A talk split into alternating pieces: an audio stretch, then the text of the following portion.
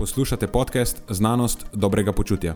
To je oddaja, v kateri odkrivamo, kako lahko znanost pomaga izboljšati vaše počutje in kako kritično razmišljanje omogoča sprejemanje dobrih odločitev na področju zdravja in fitnesa.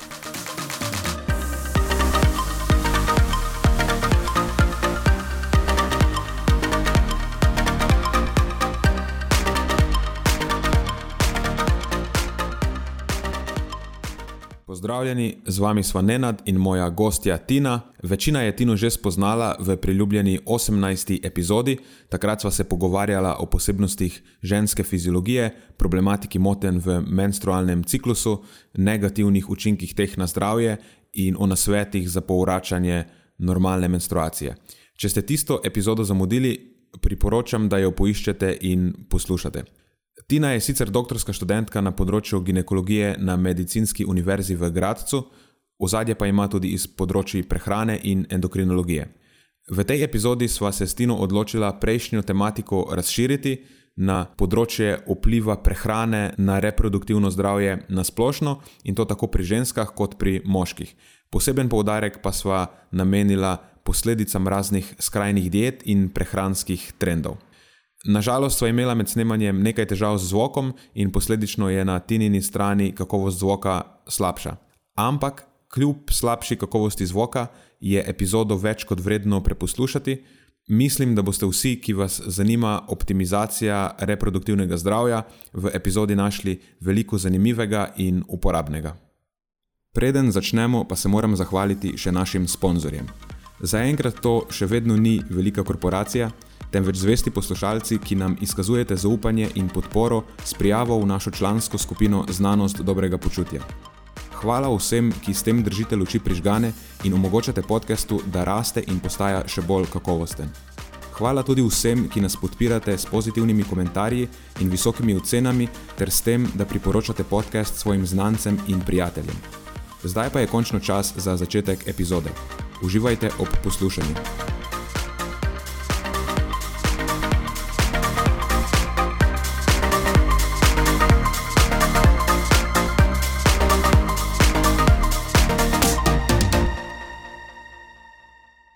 Odločil sem se, da Matjaža spočijem, ker je bil priden sovoditelj toliko časa in pa zdaj malo počivo. Tako da ti mi boš mogla zaupati, da bom kljub temu primanjkljaju pripeljal epizodo spodobno do konca. V bistvu sem te povabil nazaj, Unpopular Demand, ker tista tvoja prva epizoda, ki so jo takrat posnela, to je epizoda, če se spomnim, dobro 18, je še zmeraj najbolj poslušana epizoda. Tako da tematika je očitno zelo popularna. In zdaj smo se odločili, da naredimo nadaljevanje eh, s še eno bolj kontroverzno tematiko, se meni zdi. Ja, tole danes bo, po moje, razbilo pol Instagrama na točke. ja, že, že tako zelo mejni temi so se odločili dodati še par kontroverznih stvari zraven, torej ekstremne diete. Ne. V bistvu bova podaljšala tisto, o čemer smo se zadnjič pogovarjali um, tema, da, povem, da ne maham okoli, da povem konkretno, pogovarjala se bova o vplivu prehrane na plodnost, uh, oziroma da bo kaj reči o vplivu prehrane na reprodukcijo vrste. Pred samo zanositvijo se mora uh, zgoditi, pa poklopiti še kup enih stvari, in tudi na vse tiste procese in dejavnosti lahko prehrana uh, močno vpliva. Ena izmed teh stvari je, recimo, motnje v menstrualnem ciklu. To je tista stvar, o kateri smo se prejšnjič precej pogovarjala.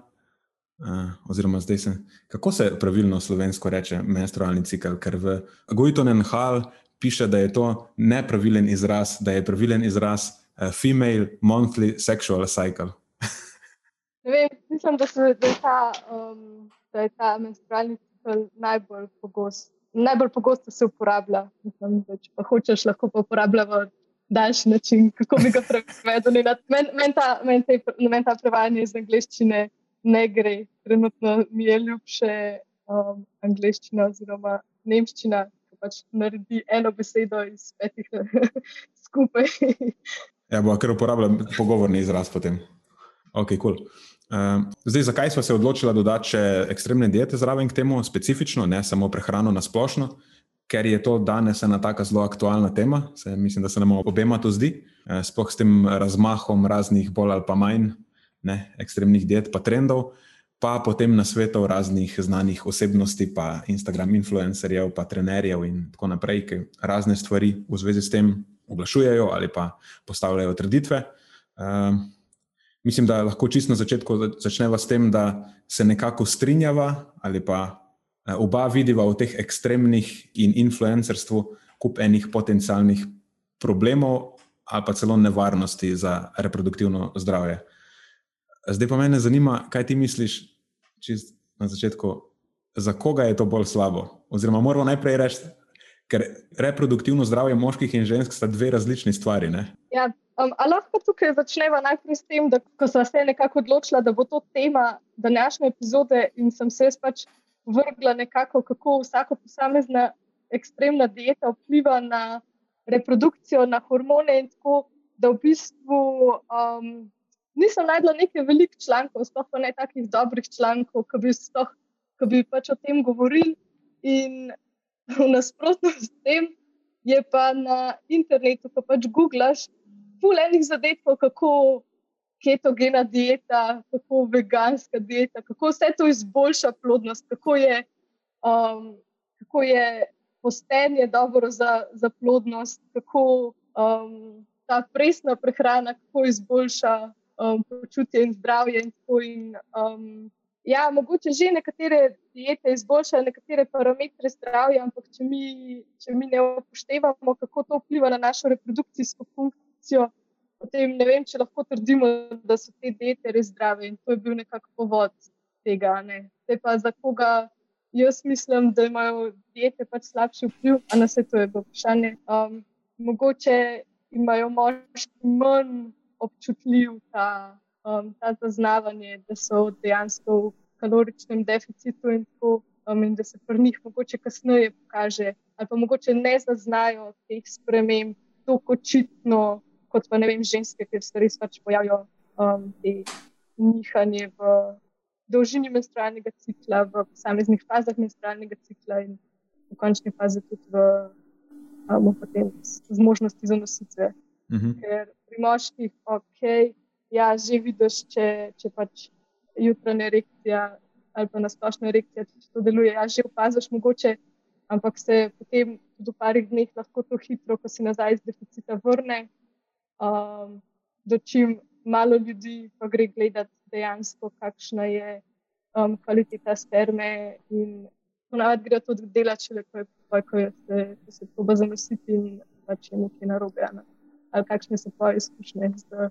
Mm, to je zanimivo, kar si rekla, da v bistvu na, na zunaj lahko zgleda, da vse deluje ok, ampak potem ja, kakovost sperme in vsega tega pa lahko pada in eh, tega sploh ne opaziš. Um, se hoče pa še prej to reči, da čisto evolucijsko oziroma biološko ima smisel, da pri moških mogoče zadeva kasneje razpade, ker v končni fazi v osnovi moški mora dati samo eno stvar enkrat, dočim potem žensko telo mora biti pripravljeno nositi to kar nekaj mesecev, ne pač devet mesecev, konkretno, plus minus.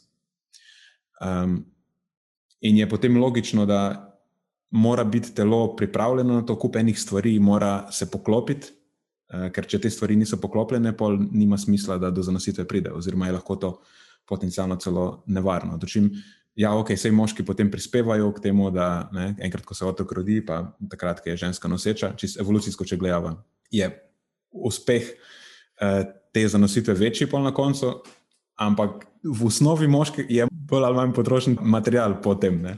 v nekih uh, ekstremnih pogojih. Recimo. Ni tako nujno, da njegove stvari vse štimajo. Ja, pa se um, pogledamo skozi zgodovino, ko so bila pač obdobja lakote in um, takrat pač se je. Velikim ženskam pač je prišlo do izgube menstrualnega cikla, ker zakaj bi se takrat reproduciral, če pa pač ni, um, če pa pogoji niso optimalni, da čim moški. Pa. Se mi zdi, da je tudi energijsko moški veliko manj porabijo za ohranjanje svoje, svojega reprodukcijskega um, um, funkcije, kot pa ženske, ker v bistvu um, vemo, da pač v lutealni fazi. Ženska fululu živi to, da se pripravi endometri, da se pač sluznica zadebeli, razvije in da se da pač pride do uspešne implantacije. Omenila si o tiste zanimive raziskave v okoliščinah pač pomankanja hrane. To je bilo po drugi svetovni vojni. Ne? Se mi zdi, da si mi enkrat poslala en članek, kjer so spremljali punce, ki so bile takrat v adolescenci, se mi zdi, in so jih spremljali nekaj let kasneje, in so ugotovili, da če so med adolescenco trpele energijsko pomankanje, da se je to nekako poznalo potem tudi uh, kasneje na njihovem reproduktivnem zdravju. A se jaz to prav spomnim? ja, brala sem to študijo, um, ampak sem, nisem se tako fokusirala na te punce, ki so bile takrat v adolescenci, ampak mislim, da kasneje potem niso imele problemov z nositvijo, uh, potem ko so enkrat dobile um, menstruacijo. Um, vem pa samo, da ti, ki so pa takrat bile v tem um, rodnem obdobju, pa um, so, jih je pač velik delež izgubil. Um, ampak to so bili, to so bili, to so bili reporti, no? to so oni poročali za 40 let nazaj. Ja, ja, reporti so bili. Mogli so se spomniti, kaj so jedli 30 let nazaj. Ampak dobro, vse, ko je, veš, vojna, ko je vojna, pa nimaš hrane, pa se ni težko spomniti, da nisi jedel nič. Bolje je problem ja. danes, ko imaš toliko stvari na voljo, pa se za včeraj več ne spomniš. Dobro, zdaj nekako so vzpostavila, da neke stvari očitno so pomembne prehransko gledano za reprodukcijo. Ampak recimo, da se, recimo, da se nekdo zdaj odloči in se želi razmnoževati, tako da čisto avtistično povem. kaj, ne, kaj bo storil najprej? Uh, pogledal bo neka uradna priporočila. In vezano na prehrano, ali obstajajo kakšna uradna priporočila, oziroma kaj je tisto, kar se najprej, a pa najbolj priporoča in koliko je to dejansko utemeljeno, te, ta priporočila? Mislim, vem, da pač ženske morajo jemati to fulno kino, to je nujno, da se že um, implementira. Ampak ostale smernice pa ne vem, ne vem če se ljudje res na tak način nosijo tega. A misliš, da se ne? Pa, mogoče imam jaz slab vzorec, ker k nam včasih pridejo ljudje, ki se pripravljajo na to na tak način, bolj resno se očitno k temu. Ha.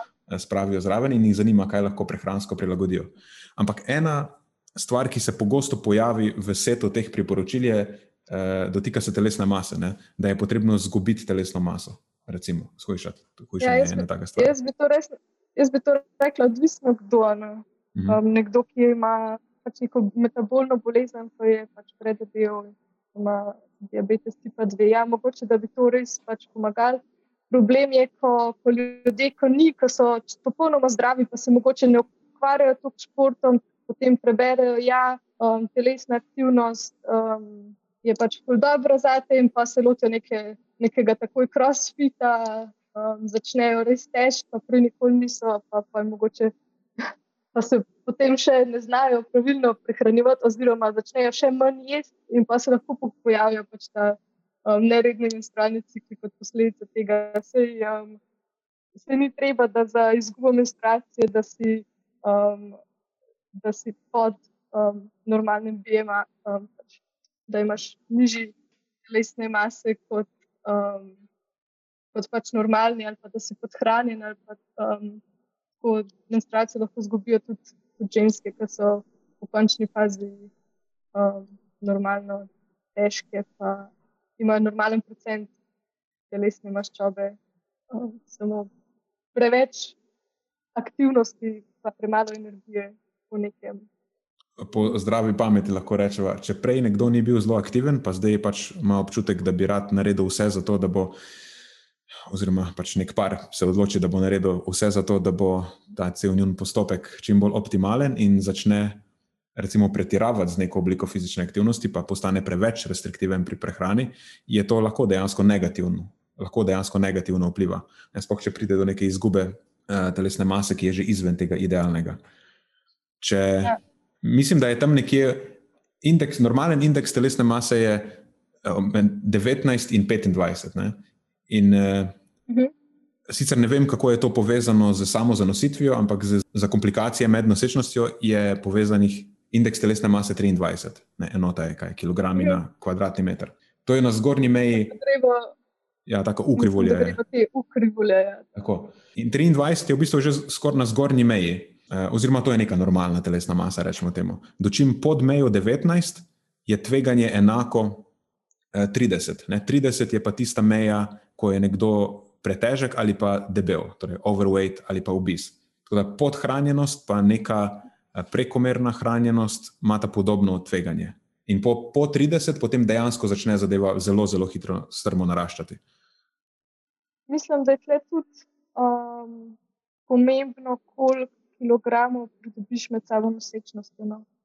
Um, se mi zdi, ne, ne me držati za besedo, ampak glede zapletov pri porodu je, meni se zdi, da je to eden izmed faktorjev. Um, ja, ne pa se ta najna pri, pri, priporočila ne, ne sliša na robe. Um, mislim, da je vsekakor fino, če se par že prej začne ukvarjati športom in ne posegati po teh ekstremnih, ker nosečnost je nek tak fizičen preizkus za žensko. No.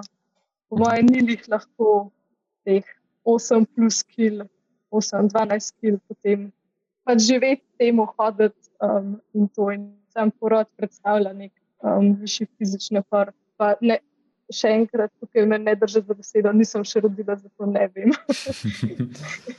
ni, to, ni to moja osebna izkušnja, um, ki pa predstavljam, ja, da je lahko. Ja, vsekakor vadba itak je zelo pomembna med tem, ker tudi eh, presnovno stanje med nosečnostjo je en zelo pomemben dejavnik, spoh, eh, kar se tiče gestacijskega diabetesa in teh stvari. Eh, te stvari včasih niti niso nujno povezane s prekomerno telesno maso. Imáš lahko aktivno žensko, ki ja.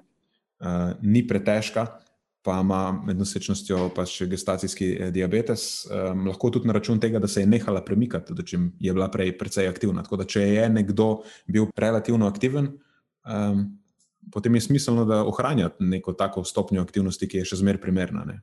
Je pa vse odvisno ja. od konteksta. V bistvu, to smo hoteli povedati, da ko iščemo priporočila, potem moramo ločiti med tem, ali smo nekdo, ki je pretežek, ali smo nekdo, ki je normalen, ali pa smo nekdo, ki je športnik, pa je že v bistvu na meji, na, meji, na spodnji meji tistega, kar je zdrava telesna masa. Ne? Ja, definitivno. Medtem ko nekomu lahko um, izguba teže pred zanositvijo pomaga, ja, kot omenjenem, pač pri debelih ali pa metabolno um, nezdravih ljudeh, um, čim pri normalni ali pri športni populaciji pa to lahko zna biti velik minus. No. Uh -huh. Ok, zdaj pa zdaj smo rekli, kako je stvar povezana. Zdaj bo pa potem je naslednje vprašanje, uh, kako je povezana, zaradi česa, kaj se zgodi, zakaj je telesna masa tako pomembna, ali pa energijski vnos v bistvu. Telesna masa je samo posledica potem tega kje se začnejo stvari dogajati?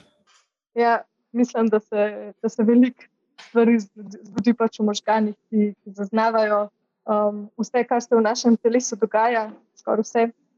Um, sploh glede nivoja energije, pač koliko energije mi zaužijemo, kakšna je kompozicija naše hrane, na koliko časa se hranimo, to um, pač zaznava naš hipotalamus. Um, Jaz vem, da je Nina v kratkem napisala eno zelo dobro seminarsko nalogo na to temo. Da Ej, lahko predstaviš. Da razložiš ljudem, kaj več o, o, o teh nevronih, v bistvu, ki se upletajo v zaznavo energijskega nivoja. Vidiš tukaj čez kamero, kako komaj sem čakal, da, da lahko o tem začnem govoriti. Ja, bom... Ne, da me je prosto, da ga to vprašam. Bom prav biti čist uh, kratek in jedrnat, bom prav biti, ker zadeva je dosti kompleksna, ampak ne rabi biti kompleksna, zato da razumemo, kaj se dogaja. Ja, tako kot si rekla, najprej se stvari zgodijo v možganih, pač ne ključno vlogo pri zaznavanju in nadzorovanju uh, statusa naše prehranjenosti, igra centralni žilčni sistem, to so po domače možgani. Um, najbolj relevantne stvari se najprej zgodijo v možganih, in potem ti učinki sevajo. Uh, downstream, spet ne vem slovenske besede, ampak zdaj nima teža, da bi najdel mi slovensko besedo, torej v periferijo, ne, na, v organih in drugih tkivih, kasneje se poznajo. In v grobem v možganih to stvar uravnavata dva sistema, en je homeostatični, drugi je hedonični. Uh, pa mislim, da ne rabimo zdaj razčleniti, kje je kjer, ampak z vidika vplivov na plodnost in uravnavanje hormonskega ravnovesja je pomembnejši homeostatični sistem. Ne. To je tisti sistem, ki skrbi za to, da imamo zadosten vnos energije, pa esencialnih hranil. To, to je tisti sistem, ki uravnava našo presnovno stopnjo. Um, slabše smo nahranjeni, bolj lačni smo, pa počasnejša je nekakšna naša uh, presnova, čist po domače. Um, najbolj pomembna regija je pač hipotalamus in eno posebno jedro v tem hipotalamusu, ki je arkvatno jedro. In tukaj v tem jedru dejansko potekajo te začetne stopnje integracije vseh signalov iz periferije, ne, koliko smo mi nahranjeni, koliko energije, koliko hranil zaužijemo, uh, in neki drugi signali iz okolja. In v tem arkvatnem jedru sta dve, uh, temu rečemo, funkcijsko-antagonistični vrsti nevronov. To je samo zapletena beseda za to, da si včasih nasprotujeta. Pač eni so oreksogeni, to so ti, ki stimulirajo apetit, pa nekako upočasnjujejo presnovo, rečemo temu, eni so pa anoreksogeni, ki zavirajo apetit, pa pospešujejo presnovo. In potem ti nevroni v bistvu projicirajo naprej v druge, v druga jedra hipotalamusa, in zdaj za našo debato je najbolj pomembno to paraventrikularno jedro, uh, ki pa je tisto področje, ki nadzoruje potem te povezave za naprej. To rečemo, da so simpatične povezave s perifernimi organi, in to jedro tudi izloča uh, določene neuropeptide, ki potem dejansko vplivajo na hormonsko stanje. Ne. Izločajo recimo sproščevalni hormon tirotropina, pa uh, kortikotropina, in potem to v hipofizi sproži nadaljne reakcije. In zdaj na to arkvatno jedro, čisto na začetku, ki smo rekli, da je najbolj pomembno, vplivajo eni hormoni, ki so, oziroma najbolj pomembna sta inzulin in leptin. In tukaj se ta zgodba o prehrani, pa o prehranjenosti vklopi v te možgane, ker prehrana vpliva predvsem na ta dva dejavnika in ta dva dejavnika vplivata na možgane in tam sprožita reakcija naprej. Ok, a sem bil za dost kratek in jedrnat? Ja, lahko bi še rekla, da, da, da zaznavajo tudi koncentracijo glukoze v krvi, ano? pa lipidov. Ketone in pa nekatere lipide. Ja, je še kup enih drugih stvari, še grelin, pa ta eh, peptid YY, pa ja. serotonin. Pa Ampak lahko rečemo, da sta inzulin in eh, leptin nekako ključna. Pa mogoče glukoza je še ena stvar, ki je zelo pomembna. Ja, good job. Ok. Um, zdaj pa rekla so, da te stvari vplivajo na nekaj naprej, uh, ki je ključnega pomena. Ne? V bistvu so tri vsi, ki se mi zdi, ki jih lahko izpostavijo tukaj. Kaj se zgodi? Če možgani ne dobijo pravih signalov? Ja, torej, um, hipotalamus pač vpliva na nadledvično žlezo, na ščitnico, na naše reprodukcijske organe in um, še na enkrat na jedra. Um, in kaj se zgodi, ne, ko mi zaznavamo nek stres, um, pač hipotalamus pošlje signale do nadledvične žleze, ki izloči kortizol. In ta kortizol potem direktno nazaj vpliva na um, hipotalamus in mu sporoči, um, pač da, da je telo v stresu, da je telo v pomankanju, da ni dovolj energije, da je preveč fizičnega, psihičnega stresa, in pa je hipotalamus um, neha v bistvu izločati ta sproščevalni hormon um, gonadrinov in s tem pač signalizira hipofizi, da naj ne pošle luteinizirajočega hormona in pa follikel. Spodbujajočega hormona. In posledično pač naši, um, naši reprodukcijski organi nehajo proizvajati testosteron in pa estrogen, in to potem vidimo kot različne simptome, pač pa ženski imate menstrualnega cikla, pri moškem pa pač um, erektilno disfunkcijo. Ja, to je v zvezi z reprodukcijo. A lahko jaz samo skočim, eno stvar sem pozabil prej povedati. Uh, tam prej omenil sem, da sta leptin in inzulin najpomembnejša. Mogoče je fino, da poveva, spoh, kaj sta uh, leptin in inzulin. Ne? Pač inzulin je hormon, ki ga izloča uh, trebušna slinavka, in ponavadi je to, oziroma ne ponavadi, ampak to je odgovor, akuten odgovor na uživanje ugljikovih hidratov, uh, pa tudi beljakovin, lahko rečemo, ampak pretežno ugljikovih hidratov. Um, In nekako ta inzulin signalizira, da smo zdaj jedli. To je signal trenutne energijske razpoložljivosti in neke nahranjenosti. In on vpliva na uh, arkvatno jedro, v hipotalamus, tako da mu sporoča, da smo, da smo se najedli. Po drugi strani leptin, njega izločajo celice belega maščevja in je nek signal dolgoročne energijske razpoložljivosti. Leptin je visok, najbolj, oziroma visoki nivoji leptina so najbolj povezani s tem, koliko telesne maščobe imamo. In če je leptin visok, spet signalizira arkvatnemu jedru, da je energije zadost. In če imamo signal inzulina in leptina, ki je nekako zadosten, ki signalizira, da je energije zadosti, potem uh, arkvatno jedro preko paraventrikularnega jedra ne, začne oziroma regulira delovanje ščitnice in uh, delovanje v bistvu jajčnikov oziroma mod, in pa nekako te dve, te dve vsi sta, uh, kako je, upregulirani, pospešeni, dočim zavrta je ta adrenalna os, ne, kortizol se ne izloča v povišeni meri. Dočim, če nimamo zadosti inzulinskega pa leptinskega signala, pomeni, da nismo jedli zadost, po domače, uh, potem je ščitnična os, pa gonadna os zavrta, pa je povečana ta adrenalna os. To, ta zgodba se zdaj priklopi, priklopi tja, kjer si ti prej začela uh, s kortizolom. Ne? Sem tako, da razumejo poslušalci, da ne spustiva česa.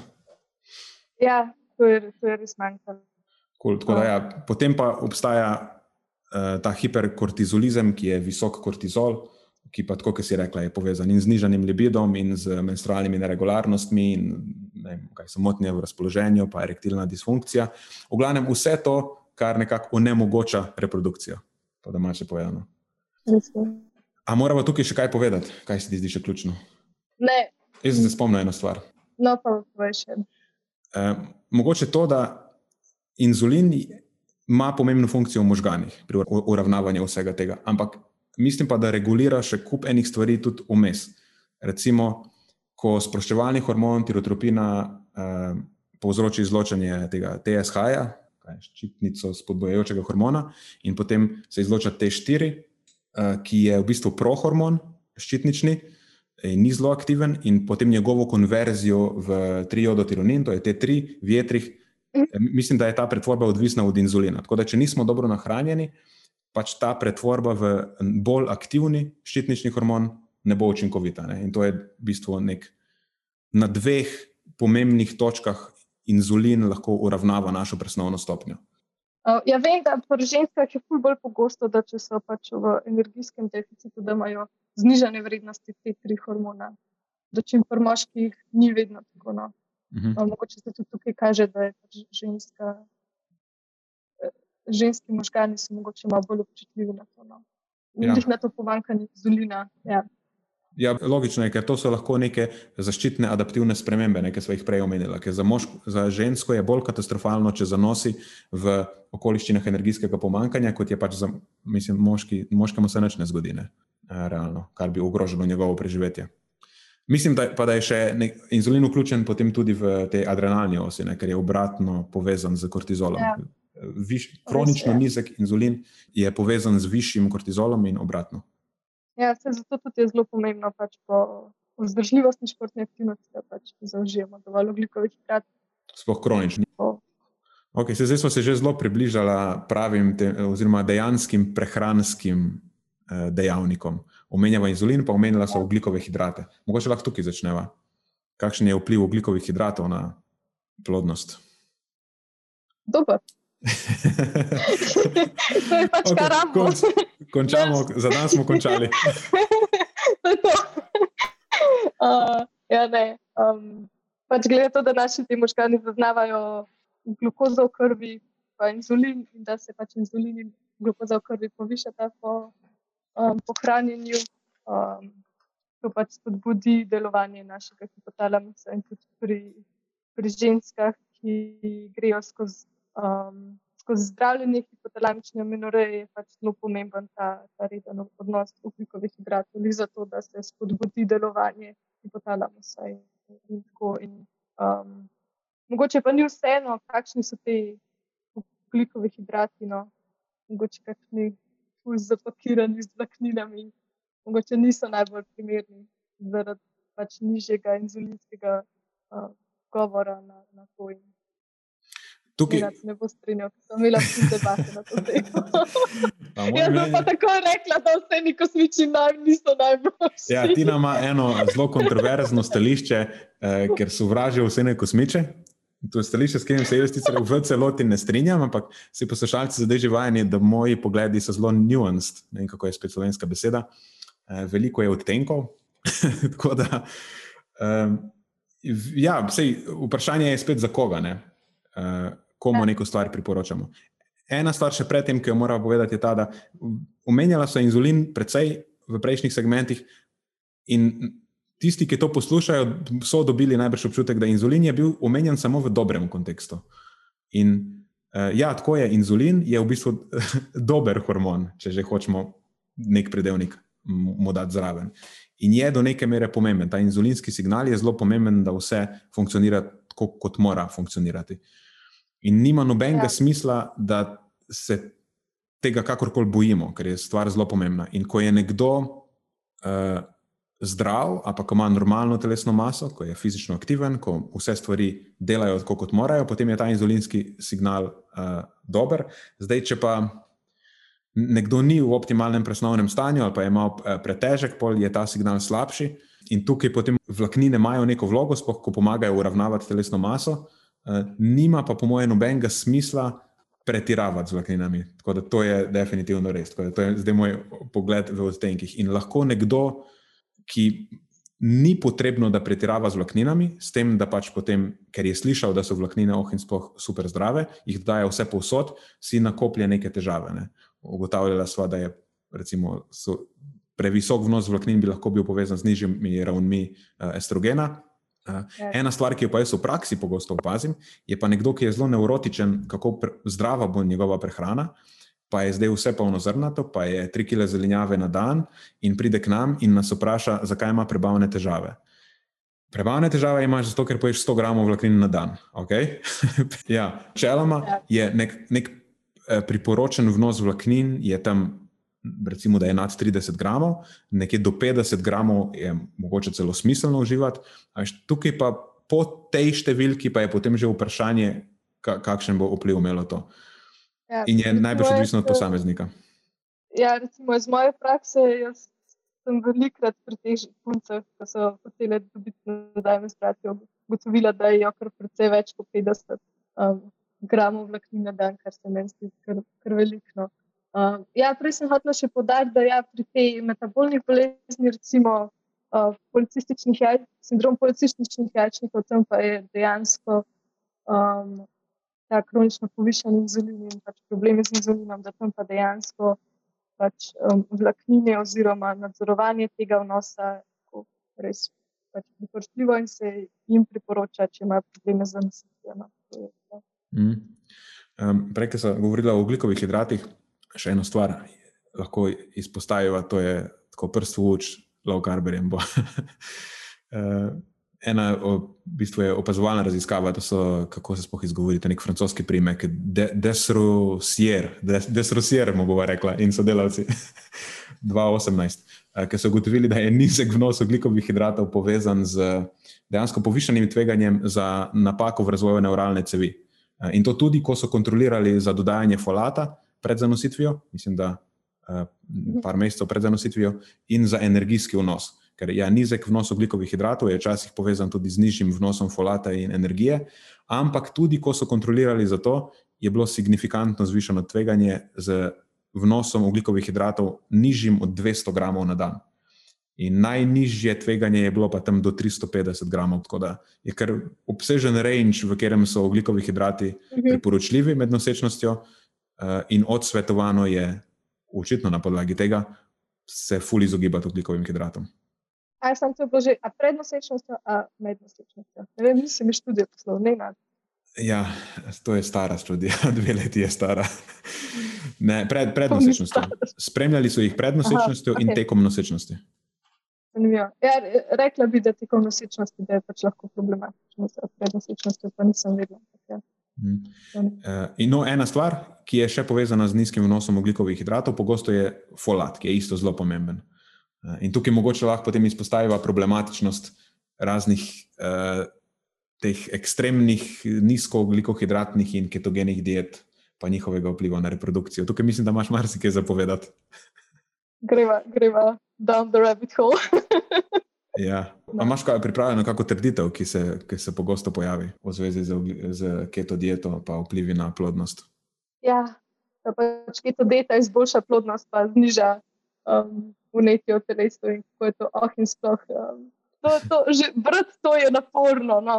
Um, tako da ni dejansko nekih, nekih študij uh, kako bi na normalni populaciji keto dieta vplivala na to. Um, nisem zihar, da. Oziroma, vem, da so mi na, um, med študijem, da so rekli, ja, da na miših, da je bila ketogena dieta dobra, da so pač izgubili težo, izboljšale pač metabolno, bla, bla, bla, ampak da so bile pa te miši pol neplodne. Ne? Um, meni se zdi, da se je s tem začel. Um, ampak pa če pogledamo, da pri, do česa pride med ketogeno dieto, um, pač ko smo v koze, imamo pač znižan, znižano um, vrednost glukoze v krvi. Um, nimamo inzulinskega odziva, praktično, razen tistih malo beljakovin, dvomim, da pride do um, nekega povišanja iz, inzulina. Um, zaradi tega je pač povišan naš kortizol in pa tudi um, po telesu pač krožijo potoni in to pač ne poznajo naš hipotalamus. Ja, ne vem, kako bi mu to lahko pomagali, da, da bi izboljšal signalizacijo po um, po tej osi dojačnikov. Tukaj je ja, kupenih lukenj v tej zgodbi, tudi meni se zdi. Ta, ta hipoteza že na. Včasih rečemo, da nekaj eh, temelji na trhlih nogah, ne? ampak ta hipoteza sploh nima nog, če pogledaš. ja, ker, ker tudi nima zgodovinsko, pa biološko nobenega smisla. Ne? Ker ko je nekdo v ketozi, to je signal, da nima hrane, signal stradanja. Ja. Možgani se na to odzivajo. Pač, ko ni hrane, potem ni dobro imeti otrok. Um, tudi mislim, da sprej so. Ne vem, mislim, ne vem, če, ne vem, če je kdo sploh raziskoval, kakšen je tudi naš libido. Ali pa mogoče nam pa lahko poslušalci potem komentirajo. Ja, naj, naj, ja, na, če je, kdo, če je kdo boljši libido, boljši libido v ketozi. Veš, to je pol ful placebo. Ja, se mi je da ful mesa, pa, ne, to, pa se mi je izboljšal libido. Varianta. To je pol kar nekaj, to so anekdote. Ja.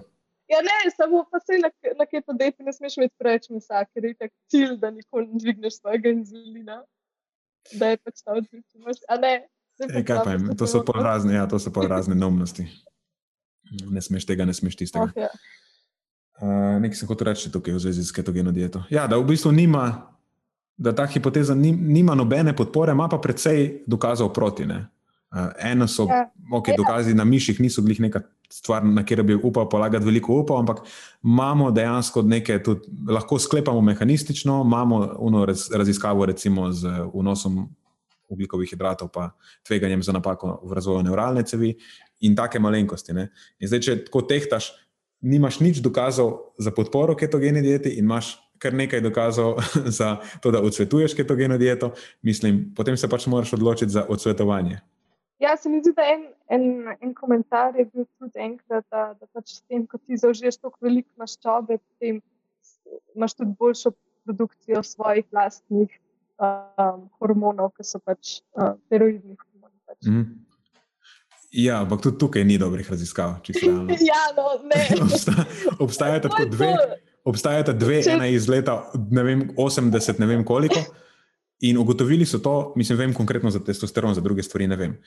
Mislim, da je bila ena skupina, ki so uživali nekje okoli 18 odstotkov maščob v prehrani, drugi pa okoli 40, in so potem eh, pri skupini z višjim vnosom izmerili, eh, kaj se to meri, se urinary excretion, nečesa v glavnem, nekega markerja ja. testosterona, in je bil 13 odstotkov večji.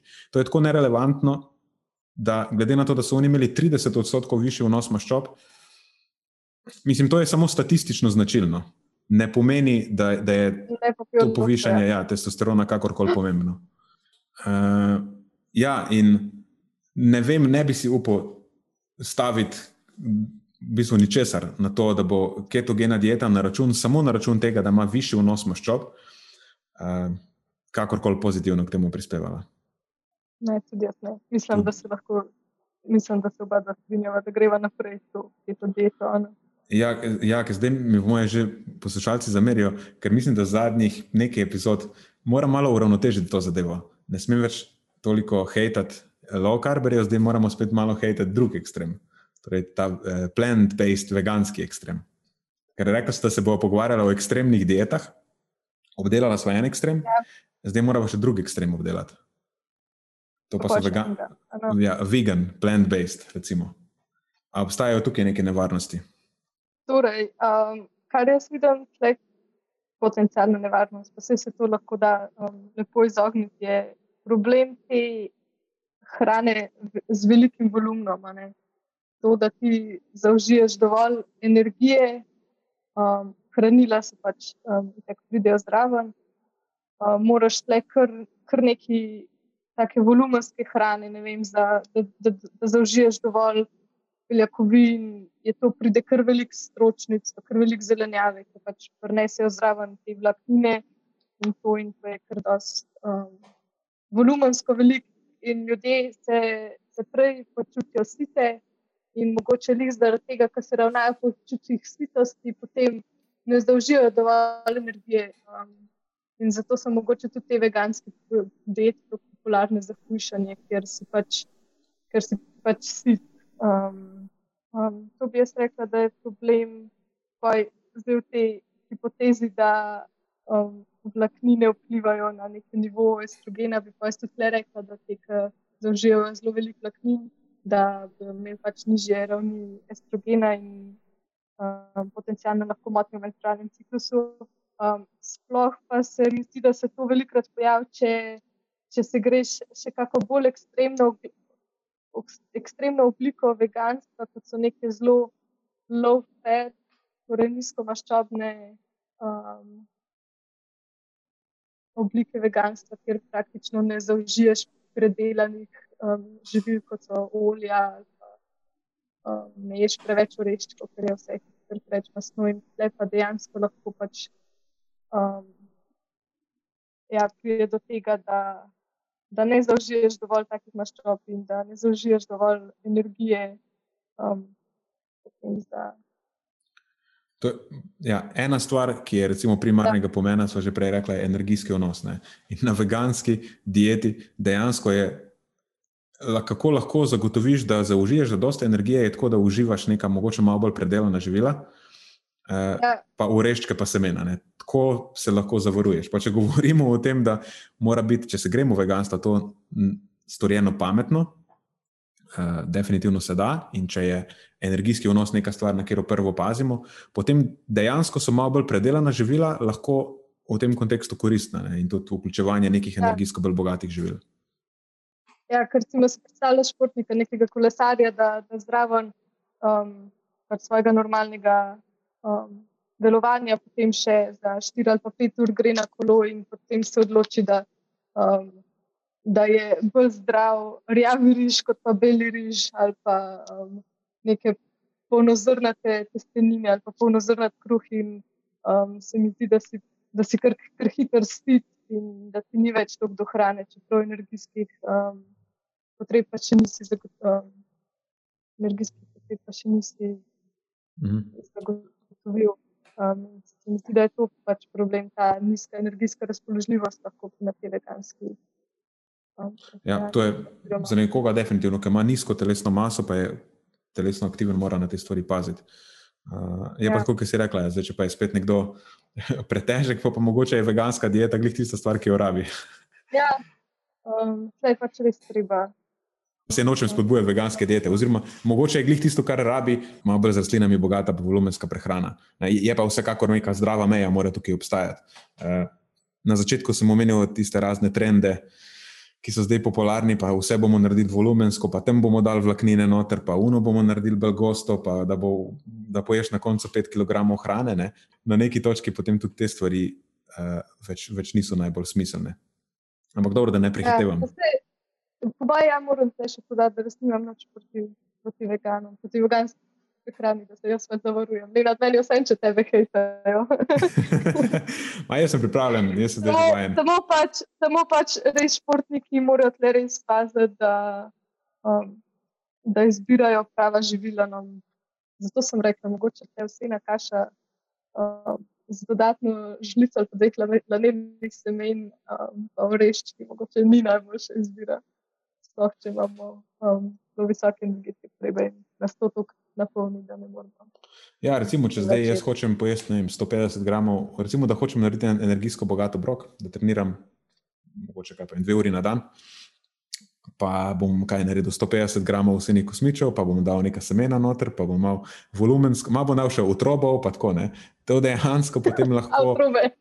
ja, to, to je potem dejansko lahko obrok, ki sam vsebuje moj dnevni, zadosten dnevni vnos uh, vlaknin. Pa če mi bo slabo kasneje, pa ne bom mogel jesti več, mogoče je pa to razlog.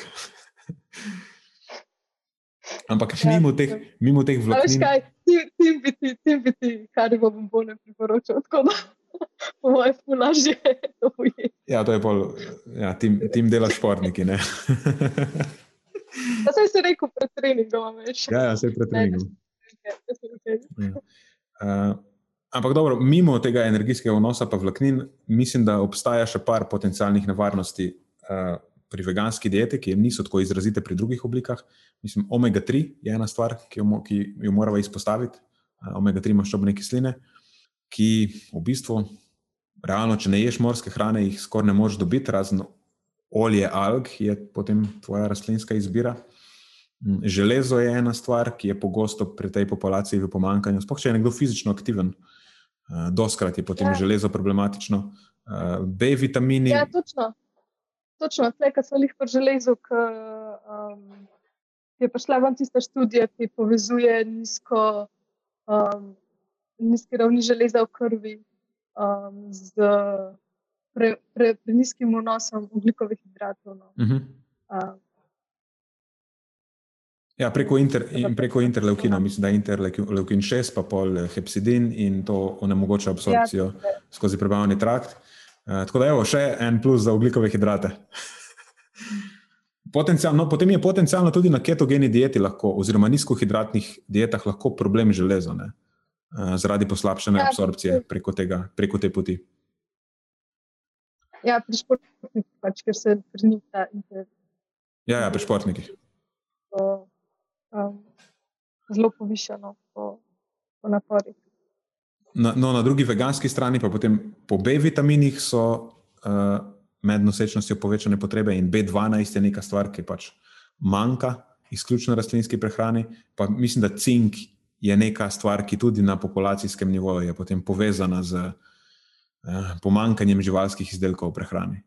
To so neke stvari, na kere je smiselno paziti. Če nekdo iz tega, če nekdo, ki mu je ta ekstrem simpatičen, razmišlja o optimizaciji svoje plodnosti.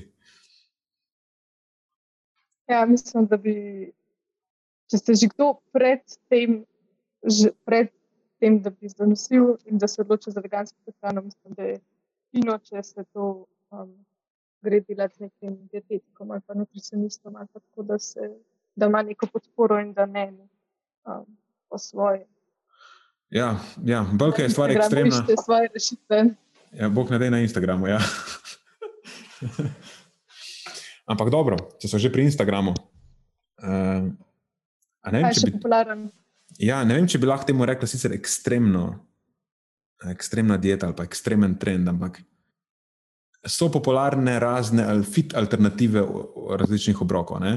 In zdaj jaz osebno vidim v tem eh, en kup prednosti, ker pač ljudje, na splošno ljudje, imajo težave s prekomernim energijskim vnosom in recimo pomanjkanjem beljakovin v prehrani in takimi stvarmi, in jim lahko te alternative precej stvari olajšajo in pomagajo do njihovih ciljev.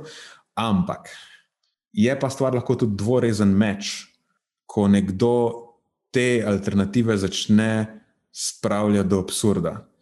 Je, ker če sem zdaj malo povečal svoj volumen neki hrani, pa sem dodal malo več beljakovin, zdaj bomo pa kar naenkrat vse bo beljakovinsko, samo z beljakovin in vse bo dva litra hrane naenkrat. Tukaj pa potem ja. neka stvar, ki je bila prej dobra, lahko postane ne več kot dobra. In mislim, da mogoče celo lahko temu rečemo, da je ekstremno v smislu, uh, spravljanja nekih stvari do absurda, ne? skoro kar se tiče volumna in beljakovinskega vnosa. Ja, pa se, pa se kako naš želodec dejansko rabi, da se napolni, oziroma da je ja, to tako neka, neka skleda. Ja, mi, mislim, da to, da imaš ti občutek, da si skozi nabito poln. Samo maskiraš to, da ti manjka. Da si lačen, ja, da si lačen tako. Ja.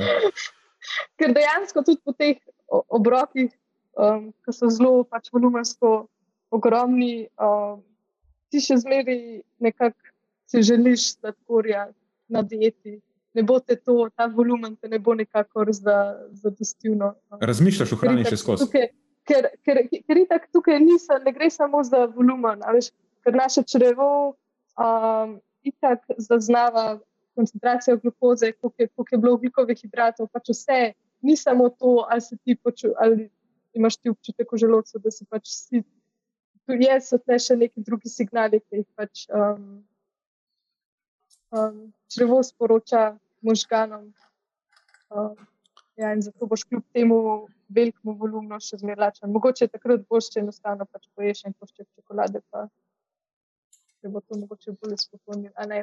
Mislim, ali pa poješ en obrok, ki je dejansko nek normalen obrok, rela, ja, relativno nasiten, pa kljub temu, da dobiš tiste signale, ki jih rabiš, ne, ki so primarno signali uh, inzulina, pa recimo povišenih koncentracij glukoze.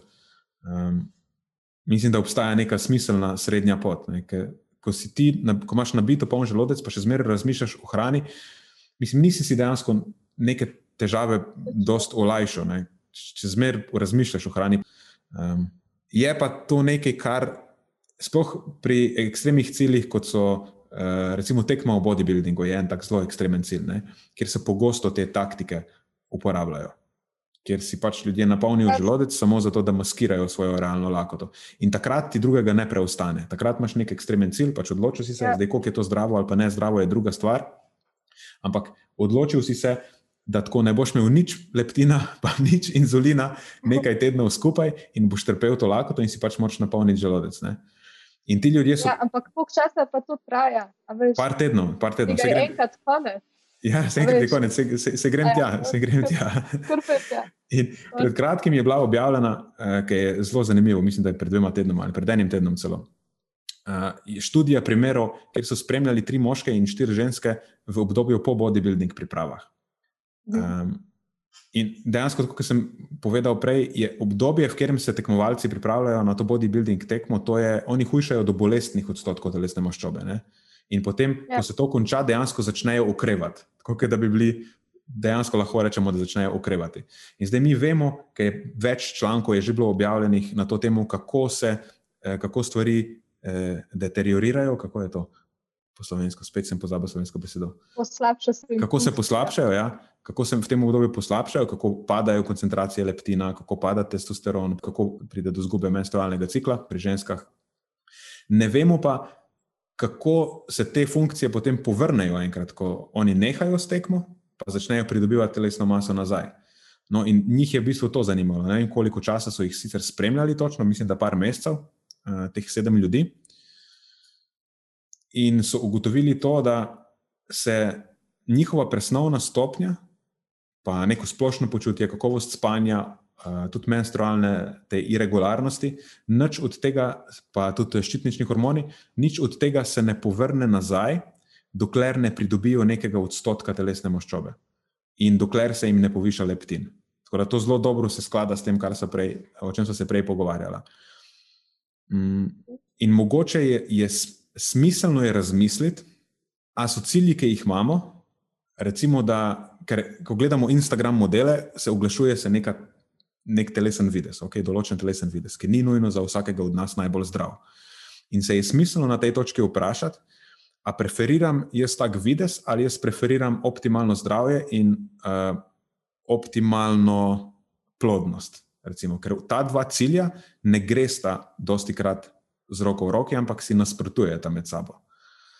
Um, nočem sicer, da to zveni zelo, zelo depresivno, ampak V redu, če ima nekdo tak pač ekstremen cilj, pa se je odločil za to žrtvovati svoje zdravje, potem lahko zdravi svoje pomankanje leptina s tem, da si šestkrat na dan napolni želodec.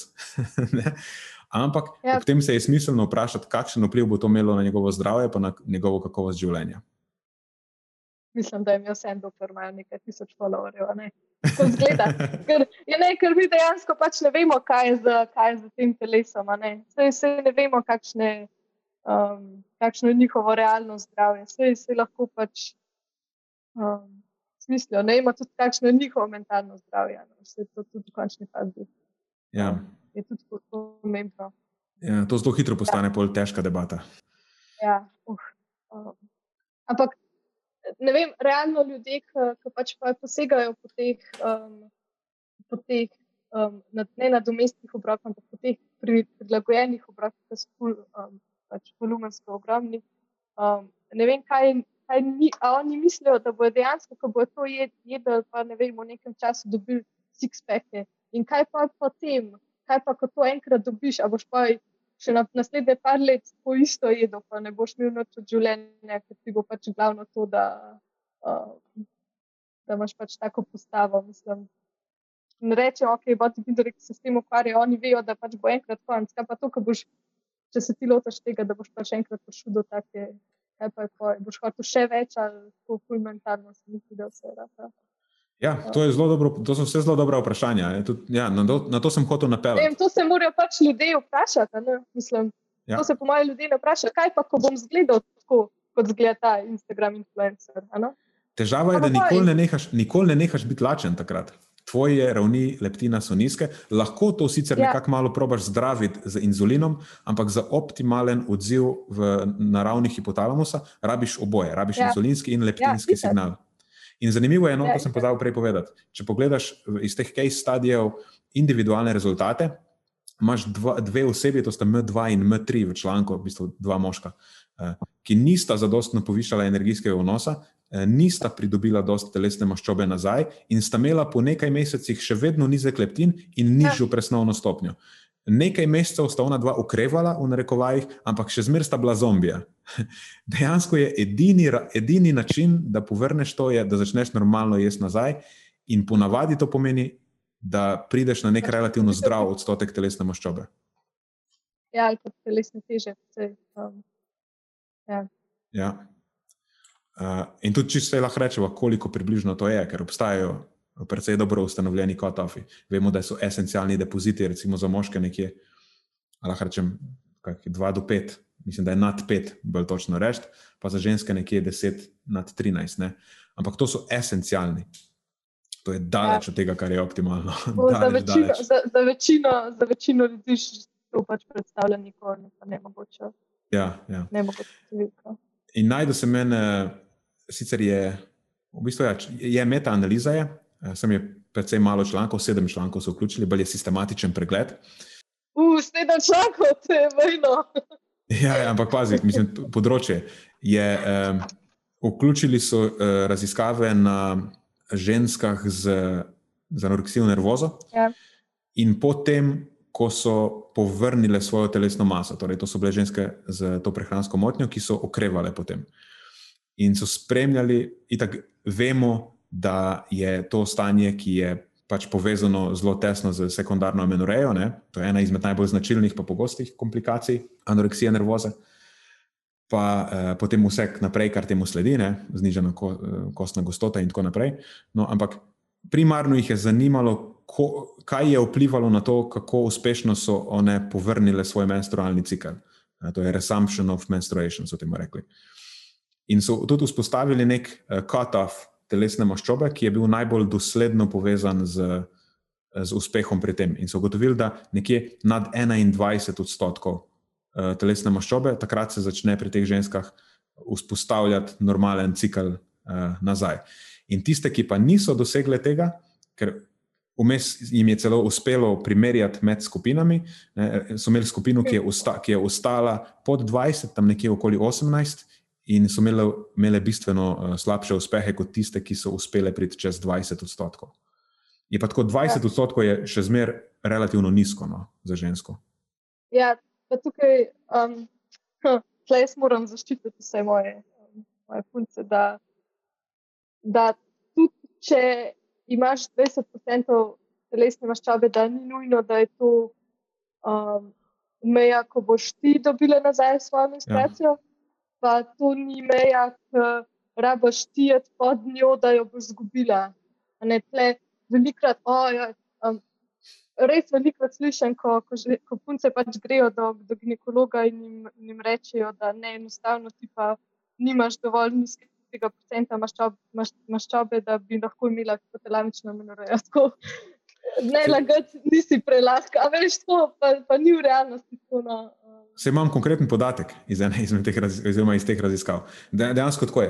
Pet raziskav od sedmih je gotovilo, da, da je um, višji odstotek telesne maščobe pri tistih, ki so povrnili normalno menstruacijo. Potem, če greš pa dejansko preverjati številke za posamezne raziskave, je ena, to je Misra in sodelavci 2016, kjer je um, pri tistih, ki so povrnili normalno menstruacijo, uh, odstotek telesne maščobe narastel iz uh, 19,2 na 25,5, in teh 25,5 ima uh, interval 4,8. To pomeni, da je v bistvu od 20 do 30 skoraj.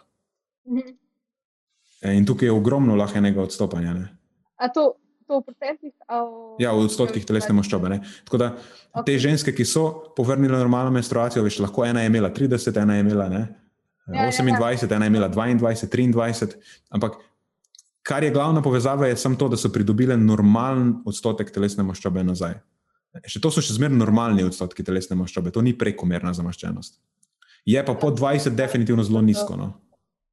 Tako da, ok, si mislim, da so zadosto v tem. Uh, pač ja. ener, energijski vnos je pomemben. No, in preveč, in premalo je slabo za reprodukcijo.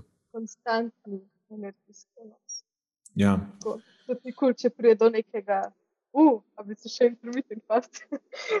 Intermittenega postenja. ja, lahko še to. Vse to, to je relativno ekstremna. E, tudi to je, in tudi intermittent fasting je relativno ekstremna dieta oziroma režim. Ampak ima neke ja. specifične učinke? Um, jaz mislim, da je ta porast kortizola, ki pride v času, ko, ko mi um, v obdobju, ko se mi ne prehranjujemo, pač lahko zavre to. In meni se zdi, da so tudi eno študijo delali, da tiste punce, ki, ki so pač prakticirale prekinitveno postenje, oziroma ko so bile dalj časa brez hrane, so, um, so imele nižje ravni estrogena in so kasneje, oziroma dlje časa v dnevu so bile v deficitu in to je pač negativno vplivalo na, na njihov menstrualni cikel. Mhm. To je isto neka stvar, ki jo ne bi priporočala ženskam, ki se trudijo za nos ali pa pridobiti nazaj menstruacijo. Pač, ki so bile časa brez hrane. Mislim, da... Dobar, ne rečem, da zdaj treba sredno čiho, da to hladilnika. Ja, je pač nek normalen. To, da pa ti forstiraš, da, da se, vem, zjutraj če si rečeš, da lahko šele od 12 naprej ješ, pa da ti zjutraj do 12 čaj piješ, pa si že čez brez energije. Ja. V bistvu je tako, da hipotalamus te stvari zaznava uh, pač tako temporalno, v nekem, v nekem časovnem obdobju. Ne? In na dan on šteje, kot mislim, karikirano se šteje, koliko krat ja. tipko, tipko pritisneš, in na koncu dneva potegneš ja. črto, in kumulativen učinek je pomemben. In če ti pol dneva ali pa še dlje, ne, če imaš nek ekstremen režim, ki pač ješ samo par ur dneva, uh, nisi pritiskal pravih tipk, je pač kumulativen učinek je slab in uh, se zadeva zabeleži kot splošno pomankanje hrane. In to spet lahko ja. se zgodi, da ne bo imelo dobrega vpliva na reprodukcijo. Ja, že, že zelo akutno nizek nos in je hiter znižati um, izločanje LH hormona in, in tudi koliko so te pogosto, po, pogosto izločanje LH, LH hormona, ki vemo, da pač se izloča v, v takih pulsih. Ja, in, in te pulzi so bili nižji in bolj narazeni. To pač potem vpliva na. Enako je z tkivi, ne downstream, ki tudi pričakujejo konstantne signale. Ja enem delu dneva zmanjka signalov, se to pozna. In skozi neko daljše obdobje začne primanjkovati signala. Vse telo je zelo pametno na ta način. Ja, pa se tudi veš, kako hitro ti um, kortizol naraste. Ne? Takoj, ko... Ja, dosti hitro odziv. Ja. Tudi akutno pri vadbi, pa tako pri takih stvarih. Ja. Okay. Ja, mislim, da so, da so užalile vse ekstremne dietaše. In... Oj, oj. Lahko pričakujem kakega Black Mirror. ne, umaj, to, to, je ono, to jaz sprejmem. jaz sem zdaj že vajen, kot je ona ja, opajac. Pišite mi na to. Ja, ja komo. Jaz skozi rečem, da mi dajte mi to eno zvezdico, ki jo prosim že tri mesece. In uh, sploh ne morem verjeti, ne vem, kaj moram še, ne vem, kaj moram še storiti. Je pa tako, da če mi kdo da eno zvezdico. Ja, ne vem, me, mene prostoš. Tako je, Ampak, da imaš neko joko. Ne, ne, pogoj, pogoj je tako, da če kdo da eno zvezdico, mora napisati, zakaj mi jo je dal, mora jo utemeljiti. Mogoče je zato ne dobimo. Tako da, če mi daš eno zvezdico, potem moraš napisati, zakaj.